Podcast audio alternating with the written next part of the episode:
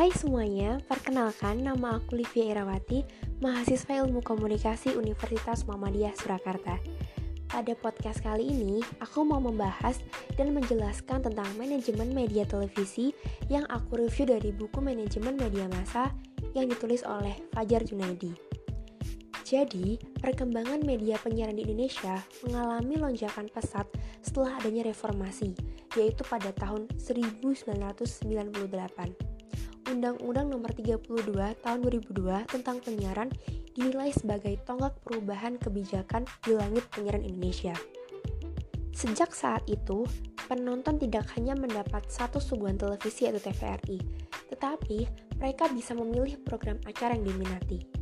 RCTI merupakan stasiun televisi swasta pertama yang ada di Indonesia, dan karena keberhasilan RCTI, muncul berbagai stasiun televisi swasta lainnya seperti SCTV, ANTV, Indosiar, TPI, dan berbagai stasiun televisi lain. Undang-Undang Nomor 32 Tahun 2002 tentang penyiaran juga berpengaruh terhadap dikotomi stasiun televisi. Jika sebelumnya dikotomi stasiun televisi adalah stasiun televisi pemerintah dan stasiun televisi swasta, sekarang ada tiga bentuk media penyiaran televisi, yaitu stasiun televisi swasta, stasiun televisi publik, stasiun televisi komunitas, dan stasiun televisi berlangganan. Dan sejak saat itu, persaingan bisnis dalam dunia penyiaran semakin ketat, baik dalam radio maupun televisi. Stasiun televisi yang tidak mampu bersaing akan gulung tikar dan menjualnya kepada pemuda lain. Oleh karena itu, manajemen dalam media penyiaran sangat penting untuk menentukan keberhasilan dan kegagalan dalam dunia penyiaran. Nah, sebelum membahas tentang manajemen dalam stasiun televisi secara lebih lanjut, aku mau bahas dulu tentang perkembangan penyiaran televisi, supaya kita semua mengetahui latar belakang terbentuknya manajemen media di stasiun televisi. Jadi, sejarah perkembangan televisi menjadi latar dari terbentuknya programming dalam penyiaran televisi. Televisi mulai berkembang pada tahun 1923. Vladimir K. Zworykin merupakan seorang pegawai di Westinghouse yang mempatenkan tabung gambar televisi yang di dalamnya terdapat ikonoskop. Empat tahun kemudian, bersama dengan NBC, mengorganisir siaran radio jaringannya, Philo Fastword mengembangkan sistem dan mempatenkan tabung di sektor atau di sektor tube. Sebelum mereka menemukan teknologi yang kemudian dikenal sebagai televisi, konsep tentang televisi sebenarnya telah ditemukan oleh Becquerel. Ia melakukan observasi tentang efek elektromagnetik. Dan observasi inilah yang kemudian menjadi dasar dari perkembangan teknologi televisi sampai saat ini. Tetapi, perkembangan televisi sempat mengalami kemunduran pada masa depresi ekonomi yang melanda Amerika Serikat, yaitu pada dekade 1930-an. Tetapi, pada akhir dekade 1930-an, terjadi perubahan besar yang mengubah secara menyeluruh aspek politik, ekonomi, dan budaya ketika sebuah teknologi baru diperkenalkan kepada publik.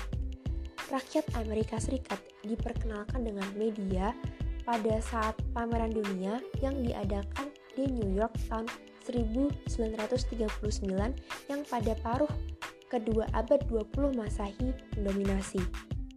Radio Corporation of America atau RCA, perusahaan pemilik National Broadcasting Company atau NBC, beserta radio-radio jaringannya mensponsori arena pameran televisi. Saat itu, hanya beberapa pengunjung pameran yang dapat menyaksikan siaran televisi secara terbatas di arena pameran. Selain di Amerika, televisi juga berkembang di negara-negara lain, terutama di Eropa Barat. Dan Perang Dunia II yang terjadi pada awal dekade 1940-an membuat perkembangan televisi terhambat. Tetapi pada tahun 1946, setahun setelah Perang Dunia kedua berakhir, televisi kembali berkembang. Stasiun televisi mulai melakukan programming dalam siaran mereka. Walaupun di Amerika sendiri hanya ada 10 stasiun televisi yang memiliki lisensi untuk siaran. Seiring dengan adanya kemajuan teknologi, radio mulai ditinggalkan dan orang lebih memilih televisi. Indonesia sebagai negara berkembang baru memiliki stasiun televisi pada dekade 1960-an ketika TVRI berdiri dan mengudara pada tanggal 17 Agustus 1962. Perubahan dalam dunia penyiaran televisi di Indonesia mulai tampak pada 1987 ketika RCTI diizinkan bersiaran terbatas di Jakarta dan sekitarnya. Sesuai izinnya, siaran RCTI ini terbatas, hanya bisa dinikmati melalui televisi yang dilengkapi decoder. Kemudian, seiring berjalannya waktu, RCTI pun berkembang. Karena keberhasilan RCTI, muncul satu stasiun baru, yaitu SCTV.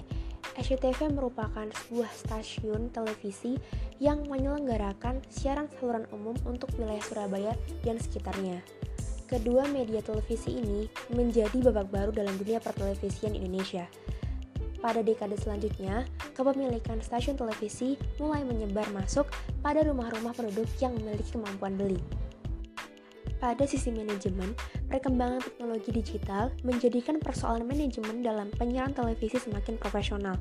Perkembangan teknologi pesat dalam era digital harus dibarengi dengan kualitas manajemen stasiun televisi yang dikelola secara profesional dengan menggunakan prinsip manajemen modern yang disesuaikan dengan perkembangan teknologi. Demikian juga, perkembangan teknologi digital juga harus diiringi dengan peningkatan kualitas sumber daya manusia di stasiun televisi. Dan teknologi televisi digital secara langsung juga akan menyebabkan persaingan antar stasiun yang semakin ketat. Teknologi digital setidaknya akan menyebabkan peningkatan jumlah stasiun. Selanjutnya, aku akan bahas mengenai struktur dan posisi dalam manajemen televisi. Stasiun televisi dipimpin oleh manajer, yaitu manajer umum atau general manager. Di stasiun televisi besar disebut sebagai direktur utama. Selain itu, ada istilah lain yang digunakan seperti presiden direktur, uh, direktur utama, dan CEO yang merupakan pimpinan tertinggi dalam institusi media televisi yang sekaligus menjabat posisi sebagai ketua dewan direksi. Anggota dewan direksi meliputi beberapa direktur yang memimpin berbagai divisi dalam stasiun televisi. Tugas dari pimpinan tertinggi dalam manajemen di stasiun televisi itu ada beberapa. Yang pertama, manajemen harus mengkoordinasikan berbagai program acara yang ada di stasiun televisi. Yang kedua, manajemen harus dapat mengarahkan program acara yang ditayangkan yaitu program acara yang diminati oleh pemasang iklan. Dan yang ketiga, manajemen harus mampu untuk memberikan arahan kepada seluruh karyawan agar mampu melakukan kerjasama antar berbagai divisi yang ada. Kemudian, ada empat fungsi dasar dalam struktur organisasi media penyiaran televisi, yaitu teknik, program, pemasaran, dan juga administrasi. Bagian teknik mengemban tanggung jawab dalam menjaga kelancaran siaran, Bagian teknik ini bertugas untuk merawat peralatan yang ada agar selalu prima ketika digunakan untuk produksi program televisi. Bagian teknik dipimpin oleh kepala teknik yang mampu mengkoordinasi dan mengkontrol para stafnya di bagian teknik. Bagian kedua yaitu bagian program siaran. Bagian ini mengemban tugas untuk menyuguhkan program acara bagi halayak. Kegiatan penataan program ini disebut dengan programming. Dalam melakukan programming, bagian program siaran harus mempertimbangkan jenis acara, waktu tayang, serta perilaku menonton halayak. Yang ketiga yaitu divisi pemasaran dan penjualan program televisi atau sel marketing. Bagian ini memiliki tugas untuk menjual program-program yang dimiliki stasiun televisi pada pengiklan. Bagian ini juga menjadi bagian vital bagi stasiun televisi swasta yang membutuhkan pendapatan dari iklan untuk menjamin keberlanjutan siarannya. Dan yang keempat yaitu bagian administrasi. Bagian ini mengemban tugas dalam fungsi-fungsi organisasi yang berkaitan dengan fungsi administrasi. Fungsi administrasi yaitu ada tanggung jawab pada pengelolaan sumber daya manusia, pembukuan, pembayaran gaji, dan pengelolaan anggaran. Selain itu, fungsi administrasi yang lain adalah mengurus perizinan, dan menjalin kerjasama dengan pihak-pihak eksternal. Ya, cukup sekian podcast aku kali ini. Semoga bermanfaat dan terima kasih.